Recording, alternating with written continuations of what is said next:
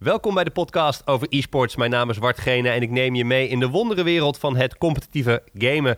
En vaak hebben we het in deze podcast al gehad over games als FIFA en Call of Duty. En daar, ja, die games kennen de meeste mensen wel. Net als de games als League of Legends, Counter-Strike en Dota. Maar vandaag gaan we het hebben over Rainbow Six Siege. En dat doe ik met Milan Valkenhoef op het kantoor van Ubisoft. Welkom. Ja, dankjewel. Ja, laat ik met, het, met de deur in huis vallen. Wat is een misverstand rondom Rainbow wat jij nu uit de wereld zou willen helpen? Ehm, dat Rainbow Six een kleine game is wereldwijd, maar ook zeker een kleine game is in Benelux. Het is veel groter dan iedereen denkt. Oké, nou dan hebben we gelijk een goed statement. Ik hoopte al een beetje op zo'n uh, zo'n statement. Maar laten we het eerst hebben over uh, wie ben je, wat doe je bij Ubisoft, wat doe je met, uh, met Rainbow Six als, als, als game en als e-sport? Ja, nou ik ben dus Milan. Ik werk nu bijna vier jaar bij Ubi. ik ben begonnen als afstudeerder. Ik heb mijn scriptie hier geschreven en toen ben ik eigenlijk blijven hangen. Waar ging je scriptie over? Uh, het ging over het imago uh, van Ubisoft onder gamers. Dus okay. niet, niet e-sports gerelateerd.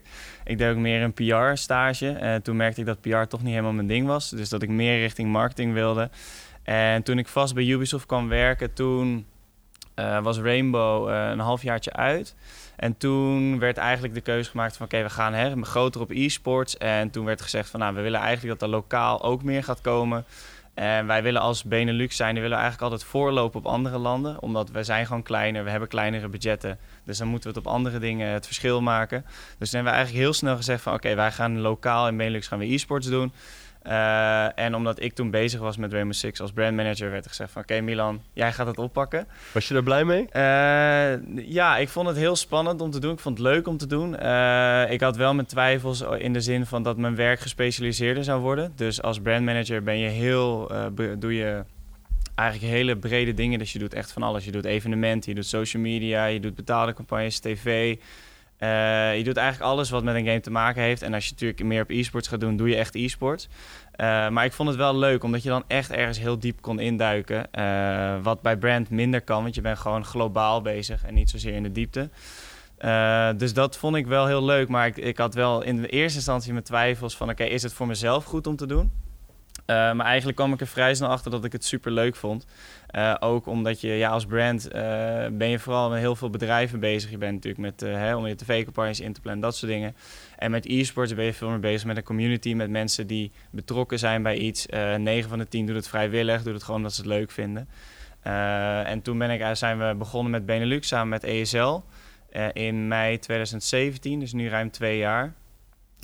En toen ja, ben ik eigenlijk in diepe gesprongen. Ik had geen idee wat ik moest verwachten. Ik had geen idee hoe groot dat in Nederland zou zijn. Uh, ja, en toen zijn we eigenlijk gewoon, uh, gewoon aan de slag gegaan. Ja.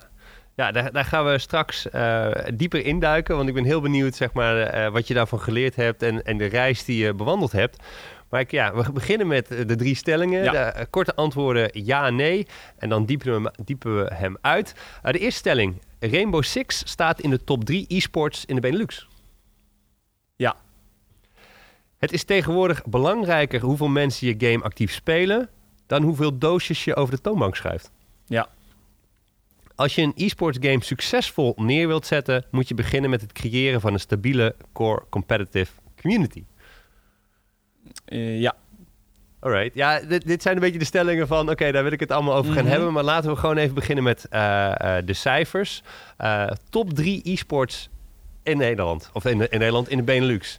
Dat is een statement. Dat, dat, de ja, ik, ik, begon het al een beetje. En daarom begon er ook een beetje de podcast mm -hmm. zo. De meeste mensen kennen Dota, League of Legends, Call of Duty, de games, FIFA. Ja. Um, maar Rainbow Six zal een aantal mensen niet zo heel veel zeggen. Maar toch top 3 e-sport. Ja, ja het, het, ik denk dat het wel heel erg aan ligt hoe je kijkt naar wanneer een e-sport groot is. Um, als je kijkt naar aantal spelers bijvoorbeeld, dan zitten wij sowieso in top 3.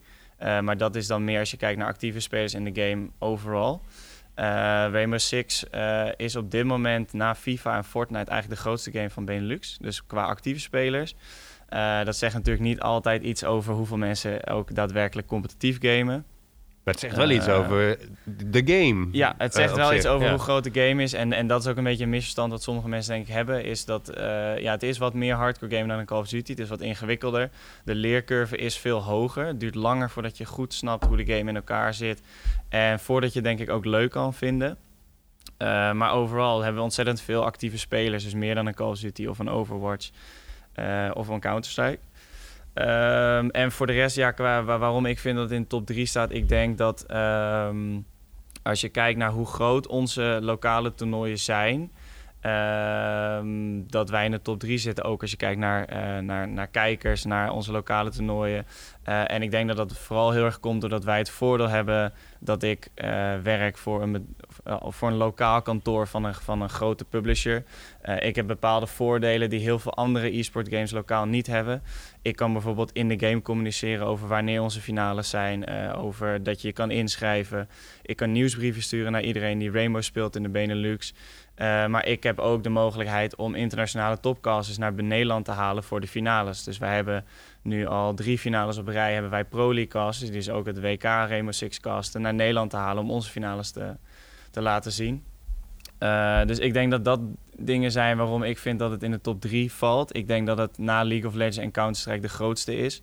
Uh, maar wat ik zei, het ligt er gewoon net aan hoe je het bekijkt. Want FIFA is natuurlijk veel bekender, veel groter. Heeft uiteindelijk veel meer spelers. Ehm, maar dat is net anders, vind ik.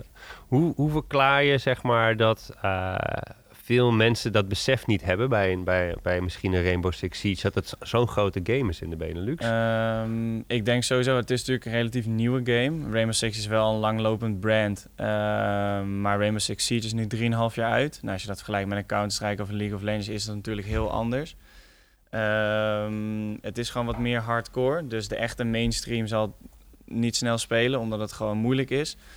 Um, dus ik denk dat het gewoon heel erg te maken heeft met brand awareness uh, onder iedereen.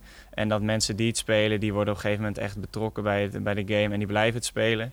Uh, maar het is gewoon heel moeilijk om erin te stappen. En, uh, dus dat is voor mij, naast dat ik e-sports manager ben, ben ik ook nog steeds brandmanager van Rainbow. Dus dat is ook wel mijn doelstelling voor de komende jaren. Om niet meer zozeer te werken aan nieuwe spelers binnenhalen, maar puur aan brand awareness. Om de game groter te maken. Om meer mensen te laten zien hoe groot Rainbow Six is. Um, en mensen ook weer terug te halen naar de game. Ja. Nou, is dat een beetje waar je, waar je nu bent? Uh, maar ik heb een beetje door, door de ja, twee jaar heen een beetje meegekregen zeg maar, waar je begonnen bent ja. en wat je allemaal gedaan hebt. Um, dat waren heel veel verschillende dingen. Ja. Van uh, echt community manager op een Discord, shoutcasten zelf. Um, Kun je me een beetje meenemen in hoe, dat, ja, hoe die reis is geweest? Zeker. Uh, nou, en, en, zeker de dingen waar, ja, die tegenvielen of waar je ontzettend trots op bent. Ja, ja zeker. Nou ja, we zijn uh, twee jaar geleden zijn we dus begonnen met, uh, met e-sports in Benelux, met ESL. we, zijn, we hebben toen gewoon een competitie opgezet. Iedere donderdagavond had je, had je wedstrijden. De beste teams daarvan speelden iedere eerste dinsdag van de maand. die konden zich dan kwalificeren voor, voor een offline finale. En dat was dan één keer in de drie maanden. Uh, ik had zelf echt geen idee hoe dat zou lopen, hoeveel teams er mee zouden doen, uh, hoe zo'n dag gaat. Uh, en de eerste paar weken hadden we ook soms gewoon één team. Dus die won gewoon, want we hadden één team. Ja, dat, dat, valt dan best wel tegen. Dat valt dan inderdaad heel erg tegen. Want de eerste week hadden we een stuk of 15 teams. Dus dan denk je van wauw, vet. Nou ja, dan blijkt dat van die 15 teams de 10 niet eens Nederlands zijn. Dus die op een andere IP-adres speelden. Nou, daar kom je dan de eerste week meteen achter. Dus dan blijven er vrij weinig teams over. Um, dus ja, dan zit je wel eens van ja shit, hoe gaan we dit doen? Want er zijn zoveel spelers in Benelux, hoe gaan we die bereiken? Dus toen uh, ben ik eigenlijk in contact gekomen met uh, het enige team dat nog speelde. Uh, heb ik eigenlijk gewoon met hun gecheckt van oké, hoe zijn jullie hier gekomen? Hoe weten jullie dit? En zijn er überhaupt mensen die dit zouden willen spelen? Um, en de teamcaptain toen, Stijn Hapers, die, uh, daar heb ik toen heel veel contact mee gehad. Die heeft me eigenlijk heel erg geholpen. Die heeft ook heel erg echt zelf naar, naar spelers toe gegaan. Gezegd van, hey, ga nou mee naar het toernooi, kom dan meespelen. Um, en eigenlijk in de derde maand uh, kwamen er wat meer nieuwe teams bij ook. Dus wat, meer gemixed teams. Zodat we eigenlijk een uh, offline finale konden spelen. Het idee was dat daar acht teams zouden komen. maar vier teams konden niet komen. Dus toen waren het ineens nog maar vier. Toen hebben we uiteindelijk nog andere teams gewoon opgetrommeld. Van nou ja, weet je, we hebben geen plek, dus kom maar. Dus uiteindelijk zijn we op zes teams gekomen. toen hebben we de eerste offline finales gehad. Ehm ja, dat ging ook met uh, ups en downs. Uh, ja, het niveauverschil was natuurlijk ontzettend hoog. Want er waren een paar teams die zich gekwalificeerd hadden. Een paar teams die gewoon uh, langskwamen. Um, maar op zich, de dag zelf ging best goed. Ik had ook geen idee wat ik moest verwachten ja. verder. ik heb die, die finale zelf inderdaad gecast. dat kwam eigenlijk doordat de eerste livestream die we hadden... werd ge gecast door twee eh, personen die de game nog nooit hadden gespeeld. Uh, dus daar was ik niet zo tevreden over. Maar er was niemand anders in Benelux die en shoutcaster was en iets van Rainbow Six wist. Maar als ik het een beetje samenvat, er was geen community, nee. er, er, waren geen shoutcasters, uh, niemand livestreamde het nog. Er was helemaal geen basis, dus je moest helemaal van, van nul beginnen. Ja. Alles uitgevogeld met mensen uit de community. en toen had je de eerste erop zitten, dacht je, oké, dit wordt het niet? Of wat, nou, wat, welke emoties gingen er door je heen? Nou ja, op de dag zelf dacht ik echt van ja, shit, weet je, dit is allemaal bagger. Dit, is, uh, ja, dit lijkt nergens op en dit is niet zoals ik het zou willen. Um, ook omdat, nou, ik caste dus zelf, maar ik ben geen caster, heb ik nooit gedaan. Ik, ik vind ook niet dat ik er heel goed in ben. Ik heb er niet de juiste stem voor. Uh, maar het, het was het beste wat er toen was, of het minst slechte misschien wel. Um, maar eigenlijk die finale heeft het eigenlijk denk ik heel erg veranderd. Want toen zag ik voor het eerst de jongens in het echt, waarmee ik online heb gesproken. Uh, toen zagen de jongens elkaar ook voor het eerst, want uh, best wel veel jongens speelden al een half jaar of een jaar samen, hadden elkaar nog nooit gezien. Uh, dus dat was eigenlijk het eerste moment dat iedereen bij elkaar kwam. En toen heb ik met een paar jongens heb ik echt heel lang gesproken, ook na afloop nog van het evenement, van oké jongens, wat zouden jullie veranderen als we dit nog een keer gaan doen? toen heb ik met een aantal jongens, dus nou, met Stijn, maar ook met Jari van den Berg Snuf, uh, en Tom Decibel, die, die, zijn nu, die, die, die spreek ik nu nog steeds heel veel. Hebben we eigenlijk gewoon, uh, gewoon gesproken en gewoon gezegd van... oké, wat, wat kunnen we nu veranderen om het groter te maken? Nou, een aantal dingen die we toen veranderd hebben... is dat we van het Nederlands naar het Engels zijn gegaan qua casten. Uh, dat had eigenlijk twee redenen. Eén, dat heel België ook mee kon genieten. Want ja, deels natuurlijk Franstalig. Uh, Luxemburg spreekt, ook, uh, spreken ze ook geen Nederlands. Uh, en in de hoop dat we gewoon iets groter zouden gaan. Dus dat ook buitenlandse mensen het kunnen kijken. het nadeel daarvan is natuurlijk dat je voor lokale sponsoren is dat lastiger. Want die willen vaak echt alleen focussen op Nederland of Benelux. maar uiteindelijk hebben we gezegd van oké, om de Benelux groter te maken, om ons als community te helpen, hebben we gezegd we gaan naar het Engels. Uh, ook zodat het voor buitenlandse spelers net wat makkelijker is, makkelijker te begrijpen. Dat die het ook aan hun vrienden kunnen laten zien van... hé, hey, ik speel in een vet toernooi mee. Uh, en toen is het eigenlijk wat groter geworden. Toen hebben we dus ook die Discord, die er al was. Maar ik had eigenlijk geen idee hoe het werkte. Uh, heb ik eigenlijk een soort masterclass Discord bij Stijn uh, gevraagd. Die heeft me uitgelegd hoe Discord werkt. En toen zijn we eigenlijk in een Discord gaan werken. Dus daar zaten dan de casters in en alle spelers. Nou, ik denk dat dat tegen die tijd een mannetje of 80 was. Um, en na een paar maanden hebben we gezegd van oké, we gaan hem omtoveren tot een officiële Rainbow Six Benelux Discord. Dus die hebben we toen helemaal omgegooid. Hebben er eigenlijk verschillende lagen ingebouwd voor de e-sporters, voor de community uh, en ook voor content creators, zodat die hun uh, content kunnen delen. Toen heb ik dat ook actief op onze kanalen ingezet. En toen zijn we eigenlijk heel snel naar 600, 700 mensen gegaan in de Discord. Uh, wat al een mooi aantal is. We zitten nu denk ik rond 800, 900. best wel een actieve Discord. Uh, en eigenlijk op die manier zijn steeds meer mensen zijn betrokken geraakt bij Rainbow. En niet iedereen als spelers, maar sommigen als kijkers of als moderators of als admins. En toen zijn we eigenlijk langzaamaan gaan groeien. Uh, maar nog steeds bleef het lastig, want Benelux was nog steeds niks, was nog steeds heel klein. Um, maar e-, even een recap van uh, wat, ik, wat ik hoor is dat uh, ja, jij werd met een opdracht gestuurd ja. uh, vanuit de Benelux. Ubisoft had zoiets oké, we zijn een kleine markt, we moeten iets anders dan anders. Dus wij gaan focussen op e-sports. Niet weten waar te beginnen. Hulp gevraagd bij de community.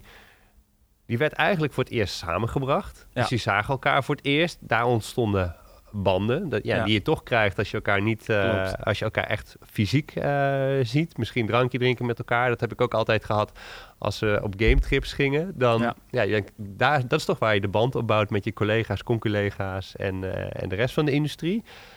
Um, en vanuit daar door gaan bouwen, officieel. maar eigenlijk is het dan meer van, jij bent gewoon gaan luisteren naar wat de community al deed en dat beter gaan ondersteunen. Ja, ja, ik denk het wel. En ik denk dat het gewoon, het, wat ik al zei, het grote voordeel is dat ik, uh, ja, dat klinkt heel raar misschien, maar ik, dat ik een persoon ben en dat ik niet een bedrijf ben. Uh, veel. Want hoe maak je dat onderscheid dan? Want jij was wel Milan van Ubisoft. Ja, nou, ik was inderdaad Milan van Ubisoft. In het begin uh, was ik ook Milan van Ubisoft en tegenwoordig ben ik gewoon Milan. Um, en ja, ik, ik, ik ben natuurlijk nog steeds verantwoordelijk voor e-sports, maar ik ken zoveel van die jongens, ken ik zo goed. Ik heb zoveel van die jongens uh, heb ik hele vette trips meegemaakt. Ik ben dan bij de Invitational geweest, wat WK Rainbow Six is. Nou, die guys zijn zo dedicated. Die zijn gewoon als groep daar naartoe gegaan, gewoon als fan. Daar zie ik ze dan. Uh, ik ben met, uh, met, met bepaalde teams heb ik hele vette buitenlandse trips gedaan. We zijn naar Gamers Assembly geweest, zijn naar Dreamhacks geweest. dus dan schep je, dan creëer je gewoon heel erg een band. En dan gaat het niet zozeer ook altijd om Benelux esports, maar gewoon dat je met z'n allen ergens aan het werken bent. En dat je met z'n allen een bepaald doel hebt. En mijn doel is nog steeds om een Nederlands team naar een Pro League te krijgen. en dat was toen ook altijd mijn doel al. En uh, ik denk gewoon dat het heel erg geholpen heeft voor die jongens dat ik een persoon was en dat ik daar stond. Uh, en bij heel veel andere e-sports is het gewoon, oké, er is, weet je, je mag de licentie gebruiken en een ESL of iemand anders voert het uit. En in dit geval was ik het hoofd van e-sports in Benelux. En ik kon gewoon met die jongens praten en ik, ik kon dingen met ze overleggen en zij hielpen mij. En uiteindelijk wisten zij ook dat als ze mij zouden helpen, dat het hun ook zou helpen. Ja, want je had beslissingsbevoegdheid, je had een budget, uh, je had gewoon echt slagkracht als, ja, als persoon. Ja, precies. En in het eerste jaar was het budget natuurlijk nog vrij laag. Was gewoon, oké, okay, wat hebben we minimaal nodig om een e-sports uh, ding op te bouwen? Uh, toen hebben wij denk ik ook heel erg geluk gehad dat Rainbow Six als game wereldwijd echt, echt heel groot is geworden. Uh, we zitten nu op zes keer zoveel spelers als bij launch. Uh, dus niet totaal, maar actief. Mm -hmm. dat gebeurt nooit bij een game. Het is altijd hij launcht en dan loopt eigenlijk wat terug totdat er een nieuwe uitkomt. Deze game is zo ontploft, zo stabiel nu. Mede doordat de developers hebben gezegd dat we tien jaar doorgaan met de game. Dus mensen, partijen weten ook, oké, okay, als ik in Rainbow wil stappen, dan heb ik nu nog minimaal zeven jaar te gaan. Uh, en omdat eigenlijk Rainbow Six wereldwijd zo ontploft is, kregen wij vanuit ons hoofdkantoor ook de steun van, oké, okay, weet je, voor afgelopen jaar ging goed. Maar aankomend jaar mag je nog meer investeren in e-sport. Uh, en dat heeft ons nog meer geholpen om nog groter te worden, om nog meer vette dingen te doen. Uh, nog meer community dingen te organiseren, zoals bijvoorbeeld op een Reality of the Party ook Rainbow Six toernooien te organiseren. Uh, en dus met teams vette trips naar het buitenland te doen om ze daar nog meer te laten groeien. En, en waar staat uh, Rainbow Six Siege als e-sports nu in de Benelux? Als je bijvoorbeeld die, je hebt de Benelux uh, League ja. samen met ESL. Als je die organiseert, hoeveel teams doen daar nu ongeveer aan mee? En hoeveel mensen kijken ernaar? Uh, ja, Benelux League is, is dus wel is een gesloten competitie van acht teams. Mm -hmm. je hebt eigenlijk vier teams die zich kwalificeren door het vorige seizoen. Dus top vier blijft erin en de onderste vier die gaan eruit. dus je hebt ieder seizoen heb je eigenlijk vier nieuwe teams. Um, vaak aan de kwalificaties een team of 15 tot 20 mee. Uh, per kwalificatie. Dus ik denk overal dat er een stuk of 20, 25 verschillende teams meedoen. Dus dat is al een stuk groter dan eerst. Het kan nog steeds veel groter, denk ik. En als je dat vergelijkt met een Counter-Strike of League of Legends, zijn we nog steeds kleiner. Uh, maar we hebben gewoon een core die ieder seizoen meespeelt, die blijft spelen. En uh, het niveau wordt gewoon steeds hoger. Waar we vroeger, ja, vonden we het al heel spannend als je tegen een Challenger League team speelde. En als je ziet wat Trust afgelopen jaar gepresteerd heeft, dat is echt ongelooflijk. En ja, als je dat vergelijkt met twee jaar geleden, is dat wel. Uh... Ja, kun je daar misschien iets meer over vertellen? Want uh, we hebben dus een, een team uh, van dat wordt gesponsord door Trust. Ja. Of het, het, het, team van Trust, dat is de naamgever ook van het team. Die spelen op hoog Europees niveau, ja. een soort van Europa League. Um, en we hebben ook als enige land volgens mij een andere stream dan de Engelse. Ja, klopt. Ja, we zijn. nou ja, ik zal beginnen dan met Trust. Trust is eigenlijk een team, of de basis van het team. Uh, is, is ooit begonnen bij Initio Gaming. Um, die zijn in seizoen 3, dus na een jaar, zeg maar, zijn ze kampioen geworden van Benelux. En die hebben toen eigenlijk bij mij aangegeven van, weet je, we zouden heel graag zouden we iets, iets vets willen doen. We zouden een keer naar, naar een buitenlands toernooi willen. We zouden een keer willen zien van, oké, waar staan wij nou eigenlijk als Benelux? Want je speelt wel eens tegen productteams, je scrimpt wel eens tegen ze, maar het is toch altijd anders. Wij willen een keer echt tegen die teams spelen, dat het er echt om gaat. Uh, toen hebben zij aangegeven, ja, we zouden graag naar Gamers Assembly willen. Dus dat was april 2018, dus een, uh, iets meer dan een jaar geleden. Um, en toen hebben we eigenlijk als Ubisoft gezegd van... oké, we hebben dit nog nooit gedaan, we hebben geen idee... maar laten we het gewoon proberen. Laten we er gewoon voor gaan. Laten we die jongens daar naartoe sturen, laten we ze helpen. Uh, toen hebben we ook een cameraploeg meegestuurd om alles gewoon vast te leggen. Want er was toch het eerste Benelux-team dat internationaal ging. toen hebben ze daar meegedaan aan het toernooi, aan, aan de Gamers Assembly... Uh, zijn ze door de groepsfase heen gegaan. Uh, ja, dat was eigenlijk al een doelstelling. Dus eigenlijk waren we al tevreden. Uh, en toen moesten we tegen Millennium, wat op dat moment het Pro League team was. eigenlijk het beste team van, van Frankrijk. toen moesten we daar tegen spelen. En toen was het toch ineens van shit, nu staan we hier en nu moeten we tegen de grote jongens. Ja, en toen pakten ze de eerste map ineens. En Ik weet niet of je ooit de Gamers Assembly bent geweest, maar dat is heel Frans. Alleen maar Franse teams. Ja, je hebt echt een hele specifieke Franse e-sport uh, ja, community. Die community ja, is heel gesloten. Is, is gesloten, is heel die hard. Dus iedereen keek van wat, wat komen die jongens hier eigenlijk doen? Want dit zijn Franse teams. En Frankrijk is ook de grootste community wat betreft Rainbows, toch? Ja, is heel groot. Ja, oh, we zijn natuurlijk ook Frans bedrijf. Dus je komt in het hol van de leeuw. Ja, en wij komen daar als Benelux jongens. Geen idee wat we allemaal moeten doen en wat er allemaal gebeurt. En uh, ineens pakken wij de eerste map tegen Millennium. En toen, toen, toen ging heel die zaal die ging gek. Die dacht, wat gebeurt hier nou? Nou, dan zie je dat steeds meer mensen komen kijken. Dat alle andere pro-teams ook komen kijken.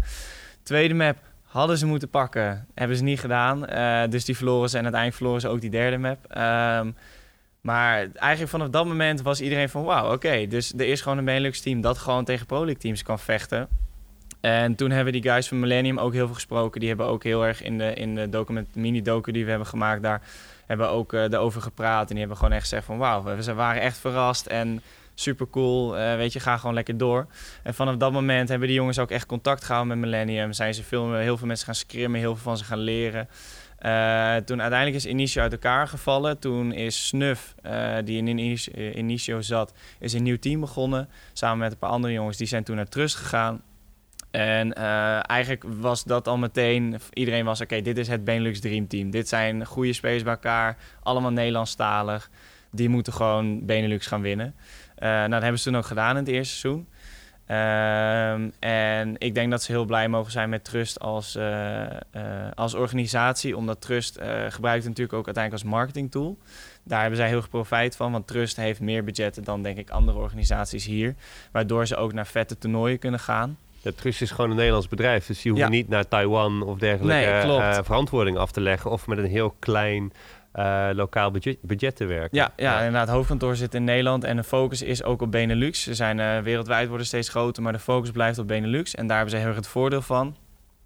En Trust heeft toen in juni, vorig jaar hebben ze de Benelux League gewonnen. En toen in begin juli zijn we naar DreamHack Valencia gegaan.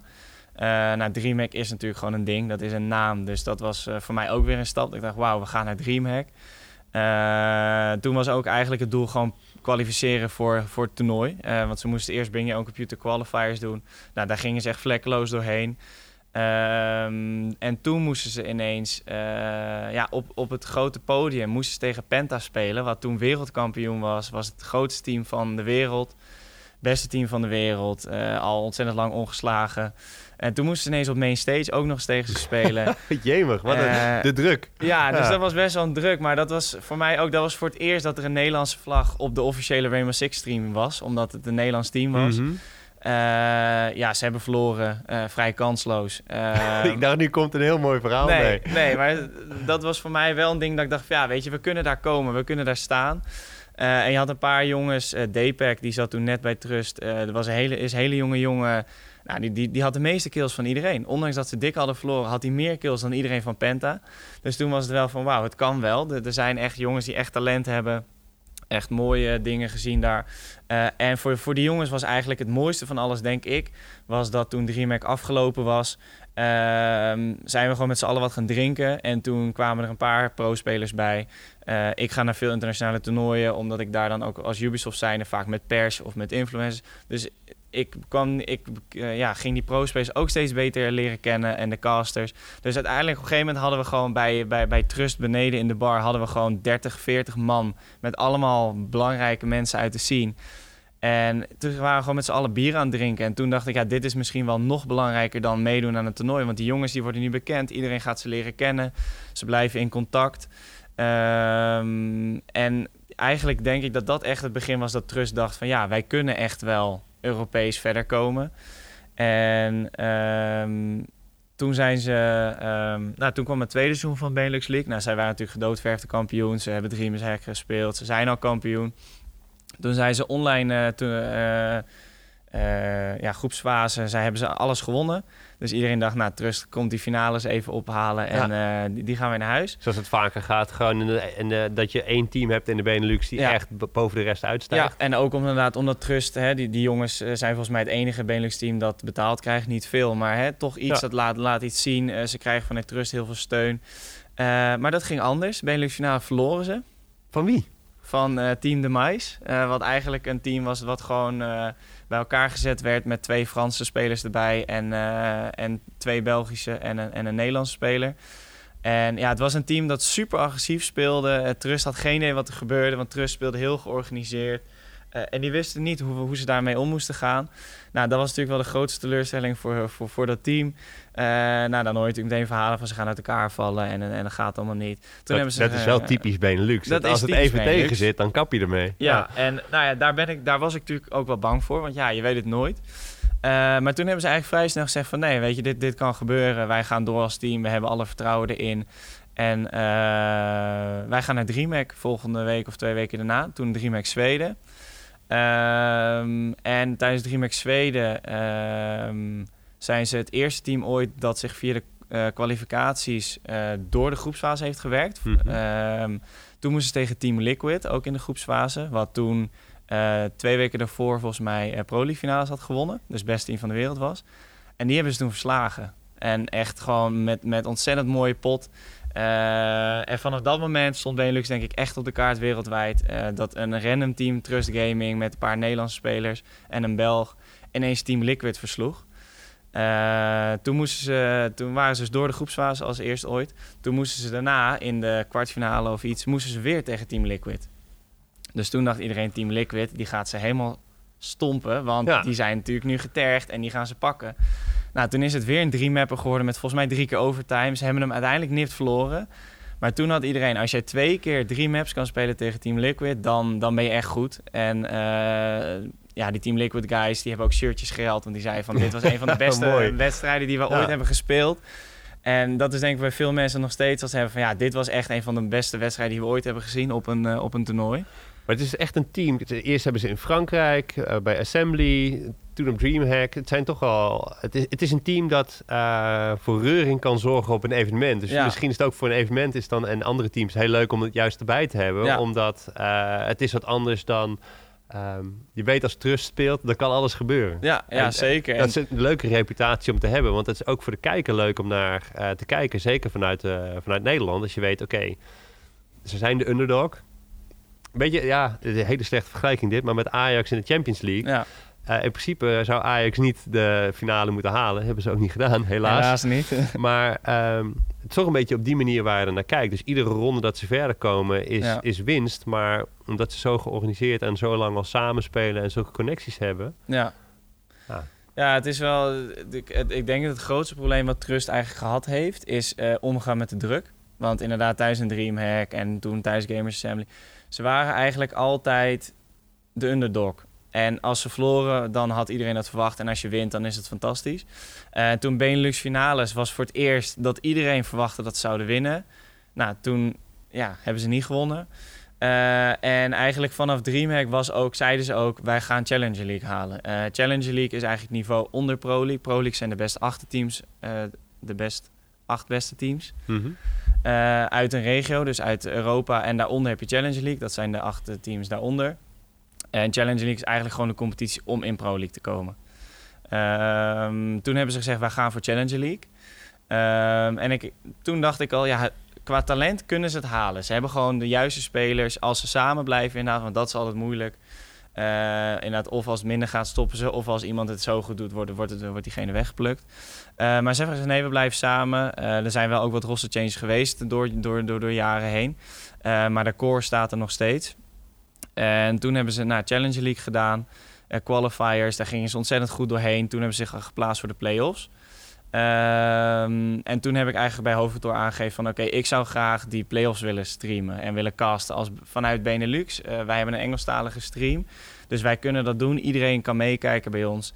En voor mij is dat, dit is voor het eerst dat wij met Rainbow iets groots kunnen doen als Benelux. Wij hebben geen operators in de games. Bijna alle landen in Europa hebben dat, behalve Nederland en België. Nederland heeft, er is geen Nederlandse operator. Nee, ben ik nog steeds mee bezig. Uh, ons hoofdkantoor en de studio worden helemaal gek, want ik zit al drie jaar lang te zeggen dat ik operators wil. Ja. Uh, dus op een dag gaan die ooit komen, ben ik van overtuigd. Op een gegeven moment denk ik, oké, okay, dan hou ik Hoe moet je eruit zien, de, de, Nederlandse operator? Ja, dat is natuurlijk heel moeilijk, want dat is ook wat ze zeggen van het gaat niet alleen over goed, uh, je community is natuurlijk ook, hè, zijn er in de speciale uh, eenheden die cool zijn.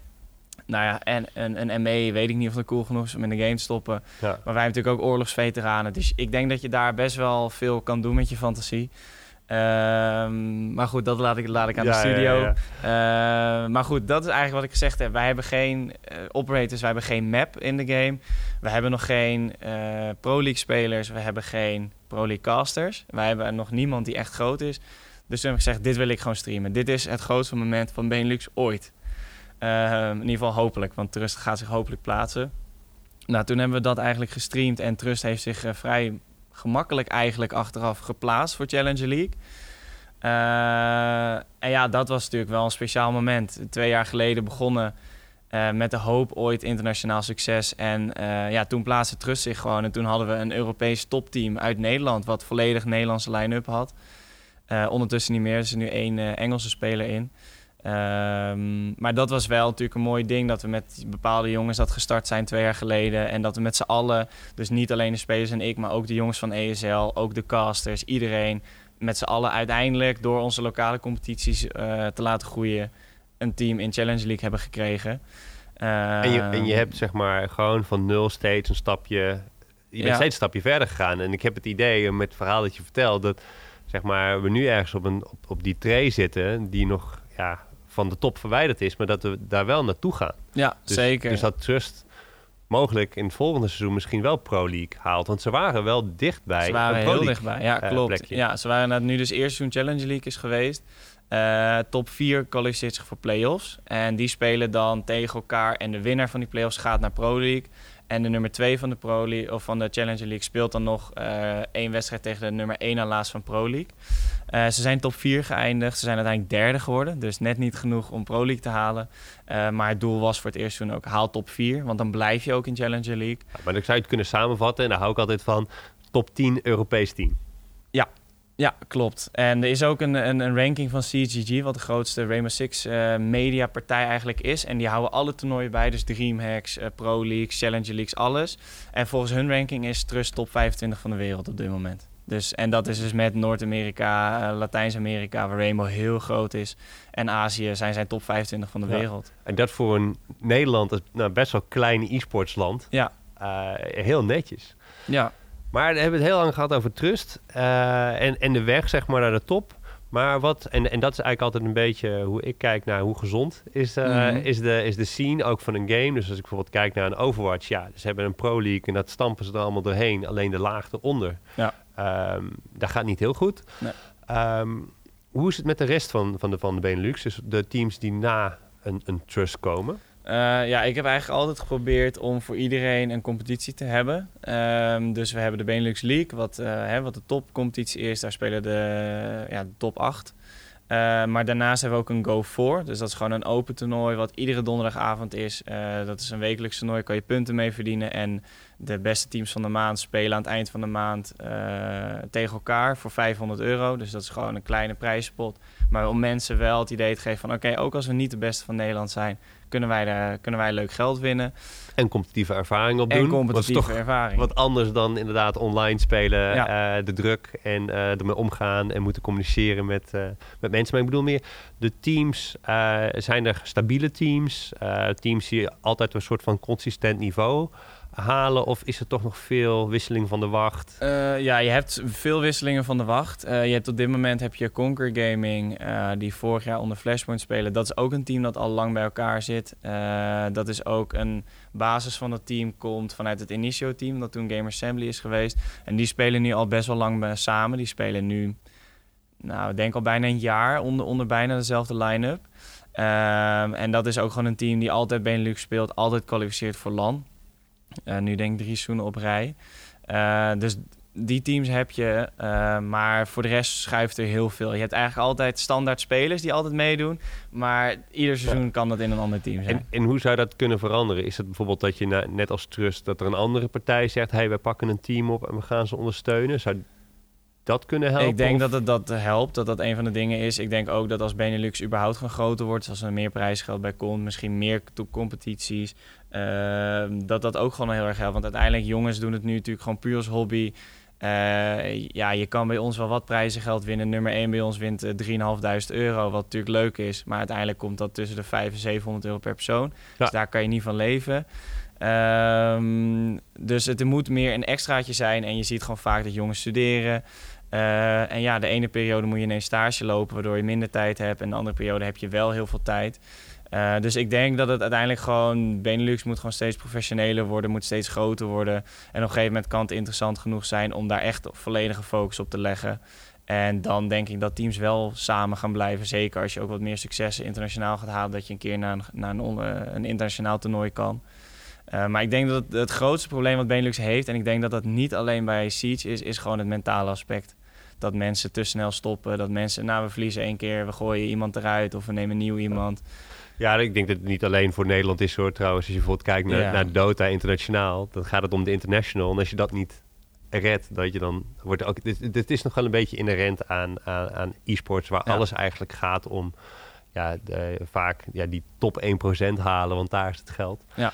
Uh, ik wil toch heel even terug naar uh, de doosjes en die, mm -hmm. die stelling, doosjes schrijven. Ja. Uh, en misschien ook wel een beetje de onbekendheid van Rainbow Six. Want hoe vaak naar de gaming-industrie wordt gekeken, althans dat gevoel heb ik, is hoeveel doosjes gaan er over de, de ja. toonbank. De GFK-cijfers, om het maar zo te zeggen. Natuurlijk worden er ook tegenwoordig online verkopen meegenomen. maar wat je veel minder ziet, dat mij echt opvalt, uh, ik zit al langer in de Twitch community.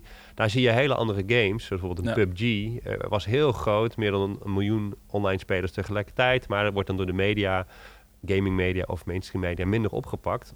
Omdat dat geen doosje heeft. Je kan het niet ja. kopen in de winkel. Hetzelfde, ja, Fortnite is inmiddels wel echt in de mainstream gekomen.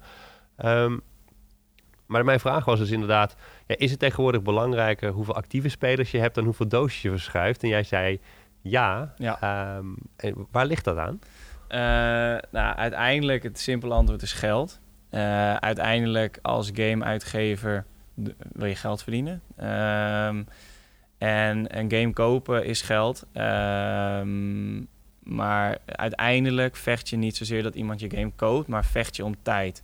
Er zijn tegenwoordig zoveel manieren voor mensen om tijd te besteden. Dat kan gewoon zijn uh, het terras, bier drinken, uh, maar tegenwoordig inderdaad, je hebt de Netflix, je hebt, uh, je hebt Twitch, je hebt van alles. Dus uiteindelijk uh, is het belangrijk dat je van mensen hun tijd vasthoudt. En hoe langer iemand een game speelt, hoe groter de kans is dat hij geld uitgeeft in je game. Want hoe meer betrokken je bent bij een brand, des te eerder je nieuwe DLC koopt of nieuwe skins of iets in die richting. Um, en uiteindelijk heb je liever dat mensen je game spelen dan dat heel veel mensen je game kopen. Omdat, nou ja, nu ook bij Rainbow misschien is de game minder verkocht dan andere games, maar het aantal actieve spelers is veel hoger. En uiteindelijk is dat veel belangrijker. Dus eigenlijk is het voor jou, wat jij zegt, is het is eigenlijk belangrijk om te kijken of iemand zijn tijd aan je wil besteden, dan of iemand zijn geld aan jou wil besteden. Want als hij zijn tijd besteedt, dan besteedt hij toch ook zijn geld. Uiteindelijk wel. En ook al doet hij dat misschien in het begin niet, dan wordt hij wel betrokken bij je brand. Dus je hebt veel meer aan iemand die een soort brand ambassador is, die, die, die gewoon echt blij is met zijn game. Uh, dan iemand die de game koopt, tien uur speelt en denkt, ja, ik vond eigenlijk niks. Uh, ik, gooi, ik, ik leg hem weer aan de kant. Uh, en Rainbow is gewoon een game, die kan je ook een keer op een gegeven moment twee maanden niet spelen. Omdat er heel veel nieuwe games uitkomen. En dan kom je altijd weer terug. Dan denk je, oh ja, ik ga hem weer spelen. Je ziet het weer een keer ergens. Je kijkt een lijstje en denk je, oh ja, shit, ik heb toch wel weer zin. Ik ga het weer spelen. en uiteindelijk is dat veel belangrijk. En voor mijzelf ook. kijk, tuurlijk hoop ik dat zoveel mogelijk Rainbow Six kopen. maar voor mij persoonlijk, ik wil gewoon dat Rainbow heel groot wordt. En dan maakt, kijk, voor mij persoonlijk maakt het natuurlijk niet zo heel veel uit. Uh, of we nou veel meer games verkopen of niet. Ik wil gewoon e-sports doen voor Rainbow. En dan helpt het gewoon dat er meer mensen die game spelen en meer mensen geïnteresseerd zijn in die game. Als ik kijk naar titels als uh, Hearthstone, uh, Fortnite, en, maar ook FIFA, dan zie ik eigenlijk altijd uitgevers van de game of makers van de game in een soort van spagaat zitten. Aan de ene kant hebben ze de casual markt, of de, ja, ja. de mensen die het doosje uh, kopen. Aan de andere kant hebben ze de, de, de e-sport. Heb je ook een dergelijke spagaat die je uh, moet maken? Of kan je juist lekker met de game focussen op uh, het competitieve core stuk? omdat je eigenlijk niet een soort van um, ja, mainstream markt hoeft te pleasen. Dat is bijvoorbeeld een voordeel wat een League of Legends en een Counter-Strike ook heeft. Je hebt wel een aantal meer casual-achtige spelers die de game spelen en misschien niet zoveel kijken of uh, competitief mee bezig zijn. Um, maar daar is de focus wel echt op de ervaring voor de, uh, de core speler. En de, daaromheen wordt heel veel gebouwd. Zit je ook in een dergelijke spagaat of heb je daar eigenlijk helemaal geen Ehm, last van? Ja, wel een beetje. Eh, je hebt natuurlijk eh e-sporters kijken heel anders naar een game dan, dan een casual speler. Dat heb ik ook best wel geleerd, denk ik. Dat is een van de dingen die ik ook geleerd heb afgelopen jaar. Eh, toen ik begon met Siege speelde ik gewoon Siege op de PlayStation en ik vond het gewoon leuk. Ehm, maar ik was er niet zo goed in. Eh, vroeger heel veel snelle shooters gespeeld, Counter-Strike, Call of Duty. Ik, snap, ik was heel slecht in Siege en ik snapte het niet, want ik dacht altijd, ja, ik kon best wel goed schieten. Eh, toen heb ik eigenlijk heel erg geleerd hoe je Siege moet zien als game. Dat het niet zozeer gaat om kills, maar om controle over de map hebben, ergens naartoe werken. Dus het is echt een stappenplan, kamer overnemen, nog meer druk ergens naartoe en dan op een gegeven moment de push maken. Ehm, dus ik denk dat er is zeker een verschil tussen e-sporters en casual spelers. Maar inderdaad, omdat de game niet zo mainstream is, eh, is dat verschil niet per se heel groot. Eh, ik denk dat het moeilijkste zit eh, in het feit bij het bedenken van nieuwe operators. Gelukkig hoef ik me daar niet mee bezig te houden. Maar daar zit denk ik het grootste probleem. Omdat operators moeten competitief zijn, maar ze moeten ook cool zijn. Want voor de mainstream moet een operator gewoon cool zijn. Die hebben niet zo snel door of een operator veel te sterk is of veel te slap. Of dat zijn eh, gadget eigenlijk helemaal niet handig is. Dat maakt niet uit. Die willen gewoon een coole operator waarvan zij het gevoel hebben dat die goed is. En eh, je hebt heel veel operators die in, in casual en in ranked, gewoon bij de normale spelers die gewoon lekker casual spelen, heel goed zijn.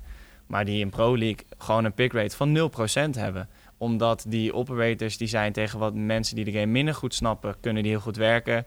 Maar als je weet hoe je hem kan counteren, dan is die eigenlijk waardeloos. Maar dat is wel een Ehm, goede balans als, ja. je, als je dat aan twee kanten en, dat, hebt. en dat is precies goed hoe een operator moet zijn. Eh, alleen het probleem is, wat wij nu hebben, er komen ieder jaar acht operators uit. Op een gegeven moment ja, zijn je echt goede ideeën zijn op. Dus dan moet je natuurlijk wat, wat creatiever gaan zijn in je operators. Eh, en dan moet je eigenlijk operators bedenken die cool zijn, maar die in theorie gebruikt kunnen worden in Pro League, maar weer niet te sterk zijn. Dus ik denk dat het eh, balanceren van de game, daar heb je de grootste spagaat in eh, e-sports en casual. Want qua communicatie en, en dat soort dingen heb ik dat probleem niet zo erg. Ik merk bijvoorbeeld wel dat op Facebook is niemand geïnteresseerd in e-sports. Als ik daar iets post, dan, denk, dan heb je nul bereik. Want iedereen denkt van, boeien. Ik wil weten wanneer de nieuwe operators uitkomen. Ja, ja. En op Twitter is het juist alleen maar e-sports eigenlijk. En hoef ik bijna niks te posten over de game zelf. Natuurlijk, als een nieuwe operator komt, is dat leuk. Willen ze dat weten. Maar die weten dat toch wel. Die zitten toch op Reddit. Die kijken de reveal van de nieuwe operators. En op Facebook zie je dat mensen gewoon... die willen gewoon informatie hebben. Nieuwe operator, dit kan niet. Dan komt hij in de game. Punt. Dus dat, dat merk je wel. Maar goed, dat weten we. En dat houden we dan ook ges- gescheiden. Eh, dus voor de rest, lokaal is er niet zo'n heel groot... heb je niet echt een grote spagaat, denk ik. En, en hoe ga je de game tien jaar lang nog eh, boeiend houden? Is dat gewoon allemaal content updates, nieuwe maps, nieuwe operators, nieuwe, nieuwe, nieuwe skins?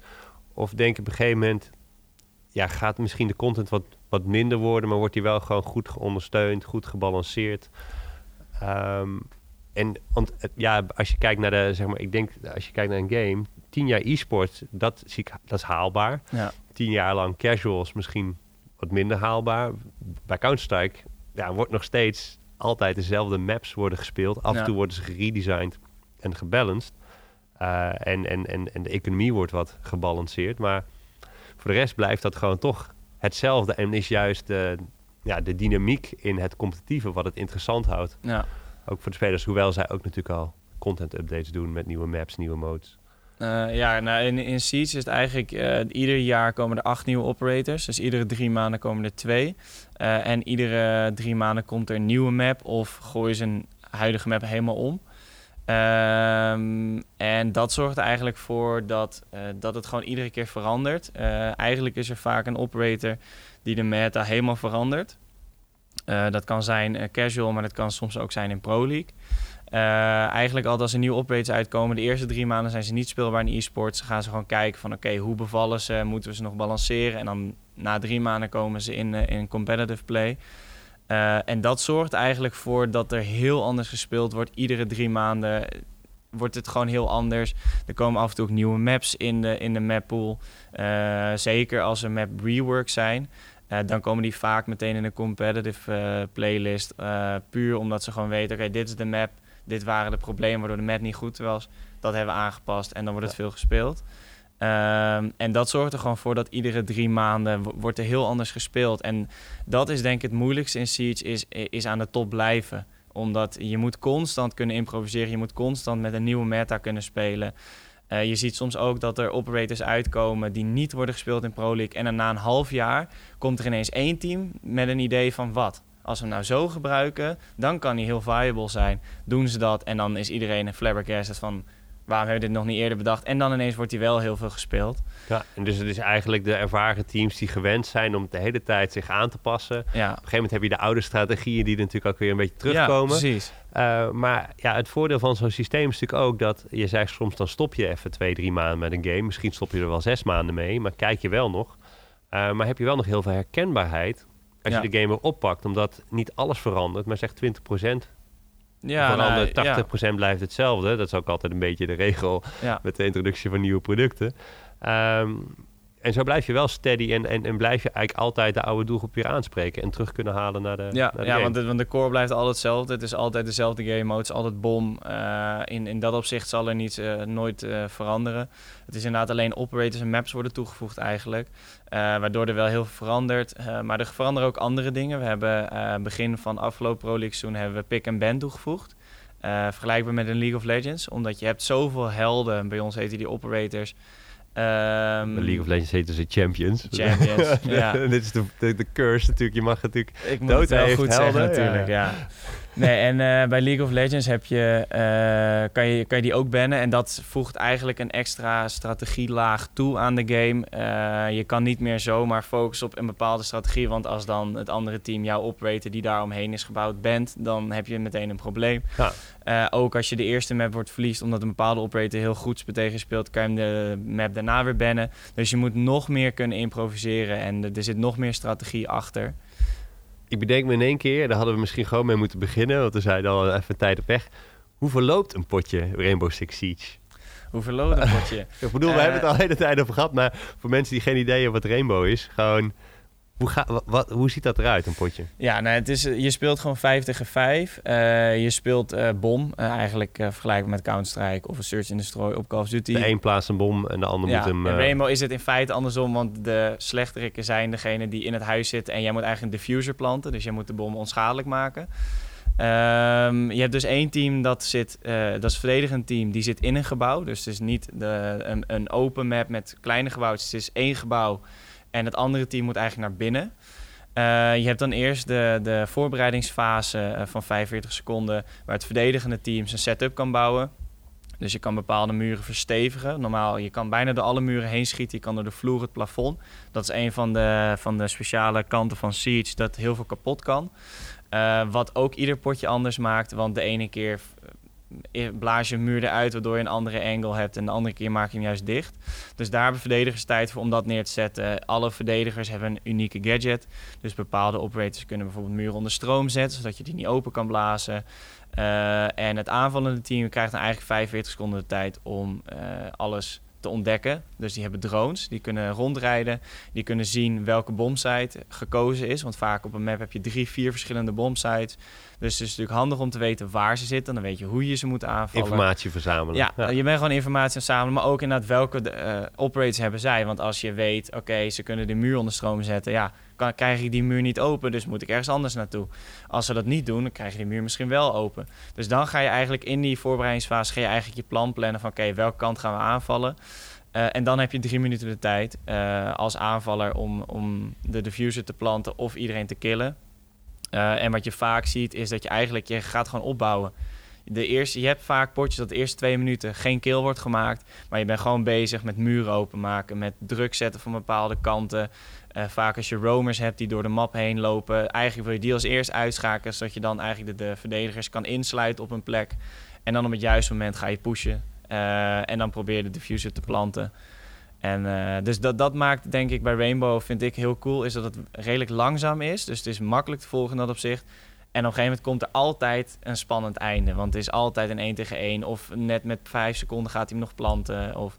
Dus dat vind ik altijd heel leuk. Dat je ziet, ze zijn ergens naartoe aan het werken. En aan het eind van de ronde komt er altijd een climax. Ja, ja dat is dan denk ik een hele, hele mooie samenvatting. Wil ik nog even naar de laatste stelling. eh, die we hadden, hadden, hadden besproken, waarop je ook ja zei. Ja, drie keer een ja. Ja. Ehm, als je een succesvolle e-sports neer wilt zetten, dan moet je beginnen met het creëren van een stabiele core competitive community. Daar hebben we het natuurlijk over gehad. Ja. Dat je van nul begon, samen met de community dat hebt opgebouwd. Nou had jij het voordeel eh, dat je nou, bij Ubisoft werkt en eh, vanuit de game kan, eh, kan opereren.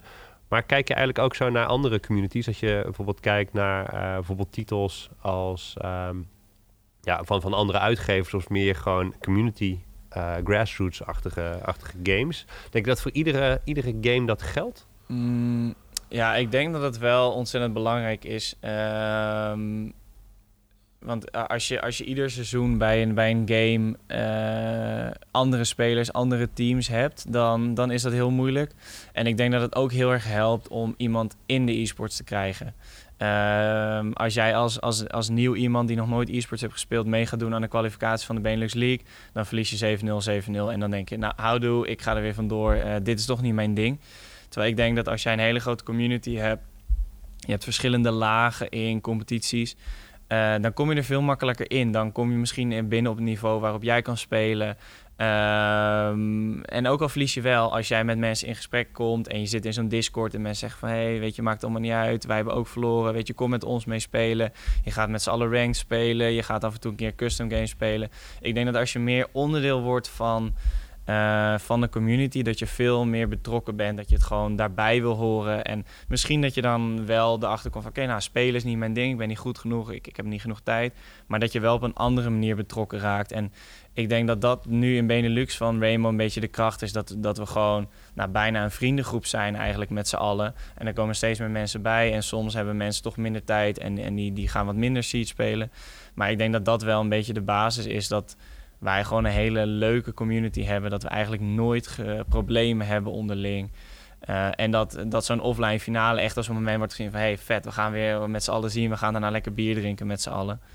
Dus eigenlijk is de basis leggen van een goede, ja, een goede e-sport scene voor je game... is eigenlijk community management. Ja, ik denk dat dat wel, wel de basis is uiteindelijk. Omdat het moet uiteindelijk... Kijk, e-sport speel je omdat je wil winnen, omdat je de beste wil zijn. Maar als het niet leuk is, dan houdt het ook snel op.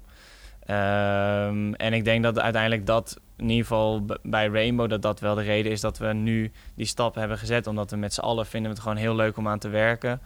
Um, en kijk, als je onderlaag niet groot of goed is, dan kan je bovenlaag ook nooit groter worden. En ik denk dat dat ook de reden is dat, dat wij lokaal best wel budget krijgen om lokale toernooien op te zetten. Uh, puur omdat als alle lokale toernooien beter worden, dan wordt uiteindelijk Pro League ook beter. En uiteindelijk is dat natuurlijk ons doel om om als Rainbow Six wereldwijd uh, gewoon de grootste e-sports game te worden. Of in ieder geval de grootste shooter. Um, en dan helpt helpt alle lagen eronder helpen, denk ik. De, de stappen die je in de Benelux gaat zetten komend, komend jaar, zover je daar iets over uh, wil en kunt vertellen. Um, wat, zijn je, wat zijn je volgende doelen? Dus je hebt, het is nu een Benelux team, is een challenger, bijna in, in Pro League. Je hebt 25 teams die meedoen aan uh, aan, de, aan de Benelux-competitie. Dus echt ja. de hoogste Benelux-competitie. Ziet hem dat, je zei al, het gaat mij niet zozeer om, om veel meer mensen, dat veel meer mensen de game kopen. Um, maar, maar waar kijk je naar als je, als je e-sports wil laten groeien, zeg maar? Um, ja, dat is uh, lastig. Want aan de ene kant wil je meer teams. Want hoe meer teams, hoe meer mensen betrokken zijn bij een game.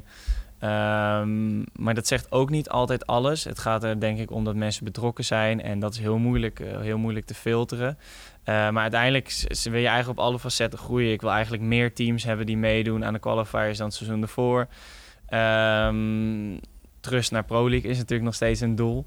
Uh, maar daar heb ik ondertussen niet meer zoveel invloed op. Dat gaat natuurlijk echt om de jongens zelf. Uh, die moeten dat zelf doen en waar mogelijk ondersteun ik. Uh, het zou mooi zijn als we nog een Benelux team in Challenger League zouden kunnen krijgen. Uh, maar ook hoop ik dat Stijn, die dus ooit als speler begonnen is, nu al lange tijd caster is van onze league. ik zou het prachtig vinden als hij, als hij Pro League caster zou worden bijvoorbeeld. dat hij... Um, hij is goed op weg. Hij heeft de Challenger League mogen casten afgelopen seizoen. Uh, hij heeft pas geleden zijn eerste buitenlandse toernooi gedaan in, uh, in Hamburg, geloof ik. Uh, voor de HyperX Minor in, in Las Vegas. dus hij maakt ook heel erg stappen daarin. En eigenlijk wil ik... Ik zou het heel mooi vinden als hij ooit die stap naar Pro League kan maken. Ehm, omdat dat ons ook gaat helpen, maar ook omdat ik het super mooi vind waar, we, waar ik met hem ooit begonnen ben. En ik zou het super mooi vinden als hij die stap naar Pro League zou kunnen maken ja. Uh, als caster. Wat ik wel interessant vind, en misschien is het ook gewoon dat ik het zelf niet heb aangesneden, dat we het heel erg, heel erg hebben over competitie, com, com, competitieve prestaties, ja. uh, sportieve prestaties. Over hoeveel mensen doen er mee. Uh, we hebben het eigenlijk een beetje over duizend mensen die dit heel actief spelen en waar een aantal mensen naar kijken. Um, hebben we het eigenlijk niet, helemaal niet gehad over, uh, over media of dat iemand daar aandacht aan besteedt of over schrijft of, of dat soort zaken. Dus die exposure ja. hiervoor, is dat, is dat dan ook minder belangrijk? Of? nou ja, uiteindelijk is dat is dat niet de basis. Uiteindelijk wil ik een zo goed mogelijk e-sports toernooi neerzetten. Um, maar het helpt natuurlijk wel als je heel veel exposure hebt. Uh, om, het, het, is interessanter voor andere partijen, maar ook hoe meer exposure je krijgt, hoe meer kijkers we weer krijgen. Uh, hoe meer kijkers we hebben, hoe groter wij worden gezien wereldwijd. Uh, hoe interessanter het is voor organisaties om bij ons binnen te stappen. als zij weten van wauw, daar, daar zijn veel meer kijkers dan bij een ander, bij een ander lokaal toernooi, is dat interessanter. maar het is nog heel moeilijk in, in, in Nederland zelfs als wij over Pro League schrijven, dan wordt dat al niet veel opgepakt. En, Heb je een idee waar dat aan ligt? Is dat gewoon... Ja, ik denk puur de mindset. Dat, dat mensen nog niet inzien hoe groot het is. En Rainbow is natuurlijk ook gewoon kleiner dan een Dota, een League of Legends en een Counter-Strike. ook, ook als je kijkt naar prijzen, geld, dat soort dingen. Rainbow zit nu aankomend jaar denk ik 5, 6 miljoen qua prijzengeld voor een heel jaar. Nou, als je dat vergelijkt met een Dota of een Fortnite. Nog steeds echt knijterveel. Het is heel veel, maar het is natuurlijk veel lager nog. Uh, dat gaat komen. We, Azië is, is echt booming op dit moment. Uh, dat is het probleem dat wij tot een paar maanden geleden Seeds nog niet verkocht in China. Uh, omdat het moeilijk was met, grootste markt. Ja, ja. met legal dingen. die gaat er nu eindelijk komen. Korea en Japan gaan ontzettend groot. Vandaar dat we in november ook de eerste Pro League finale in Japan gaan hebben. Uh, dus dat is wel een hele grote stap. Uh, dus als dat allemaal gaat komen en als Azië ook groot gaat worden, dan, uh, nou, net zoals bij heel veel andere games, Azië is altijd het beste. In Rainbow nog niet. dus hopelijk gaat dat ooit een keer wel komen, want dan betekent het dat we echt heel groot gaan. Ehm, dus ja, dat is dat is denk ik waar we, waar we naartoe willen. Um, alleen ja, in, dat wordt nog niet altijd gezien inderdaad in Nederland. En hoop je dan op, op mainstream pers of, of ook op game pers die er, die er meer aandacht aan besteedt? Nou, in eerste instantie game pers. Uh, ik denk ook uh, dat e-sports, in ieder geval e-sport games zoals Counter-Strike, League of Legends en Rainbow, dat gaat nooit mainstream worden. Maakt niet uit hoe groot het wordt. Um, de reden dat grote sporten als voetbal en zo groot zijn, is omdat het makkelijk is. Iedereen begrijpt het, bal moet in de goal. Punt. En Rainbow Six, ik bedoel, heel eerlijk, mijn moeder heeft best wel wat streams gekeken omdat ik dat gedaan heb. Maar ze snapt er nog steeds niks van. En dat gaat ze ook nooit snappen. En ik denk ook niet dat dat ons doel moet zijn uh, om, om dat mainstream te krijgen. Tuurlijk zou het leuk zijn als Trust en Pro League komt, dat zij een keer bij op tv komen van hey wauw, Nederlands team vanuit het niks. Dat. Tuurlijk, dat zou heel cool zijn en dat, dat zal ik altijd proberen. Maar ik denk niet dat het ooit zo mainstream gaat worden dat, uh, dat er iedere woensdagavond op RTL uh, de Benelux League van Rainbow Six gaat laten zien worden. Omdat het gewoon te moeilijk is om, om te snappen als je er niet helemaal in zit. Tenzij dat heel veel mensen de game spelen. Ja, de mensen die de game spelen, die, die, die, die snappen dat wel. Uh, maar inderdaad, wat jij eerder ook al zei, je hebt zoveel mensen die de game heel veel spelen, echt heel betrokken zijn, maar die zich niet interesseren in e-sports. En dat is ook helemaal niet erg, dat is, dat is helemaal prima. Um, maar als je kijkt hoeveel uren mensen gemiddeld in de week spelen, dan had ik toen ik begon verwacht, wauw, dat zijn ook mensen die e-sports vet vinden. Uh, ik heb bijvoorbeeld ook een collega die speelt nou zeker 20 uur in de week Siege. Gewoon iedere week. Ja. Maar die vindt e-sports, nee, dat trekt er niet. Uh, die, die, die, die, die kijkt dat niet, die vindt dat niet leuk. Die vindt het veel leuker om zelf te spelen. En, en uiteindelijk is dat natuurlijk ons eerste doelstelling, dat mensen zelf spelen. En e-sports is een tool om mensen betrokken te houden. Uh, dus is het niet erg als ze niet kijken. Maar dat is wel heel moeilijk natuurlijk. Van, zijn dat mensen die niet geïnteresseerd zijn in e-sports of kennen die e-sports nog niet en moeten we die nog bereiken? En ja, dat is een beetje hoe uh, wat ik aankomend jaar wil gaan doen. Is meer die awareness, meer ja, mensen kennis laten maken met dat het er is. En misschien minder hard pushen op doe zelf mee. Maar hè, word onderdeel ervan. En of je nou naar offline finales komt, of je nou online op Twitch kijkt, of dat je de game gewoon speelt, dat maakt het eigenlijk niet uit. Als je bezig bent met onze game, dan, uh, dan ben ik tevreden. Top. Nou, super bedankt uh, voor, deze, ja, voor, voor, dit interessante verhaal. Uh, heel veel geleerd weer over Rainbow Six en, en, en hoe de wereld ervoor staat en hoe jij daar naar kijkt. Als mensen de game of jou willen volgen, waar moeten ze dan zijn? Uh, nou ja, we hebben dus een Discord. die kan je op onze social media kanalen vinden. Maar het makkelijkst is denk ik op Twitter. Daar hebben we Rainbow Six Benelux Twitter kanaal. Ehm, die ik ook beheer. Dus uh, mochten mensen vragen hebben of iets, dan, uh, dan kunnen ze daar uh, naartoe. Terecht. Nou, top, dankjewel. mocht je weer genoten hebben van deze aflevering, was alweer een tijdje geleden na de vorige, um, vergeet dan niet je te abonneren op Spotify of in de Apple Podcast. dit was hem weer voor deze keer. Tot de volgende. Doeg!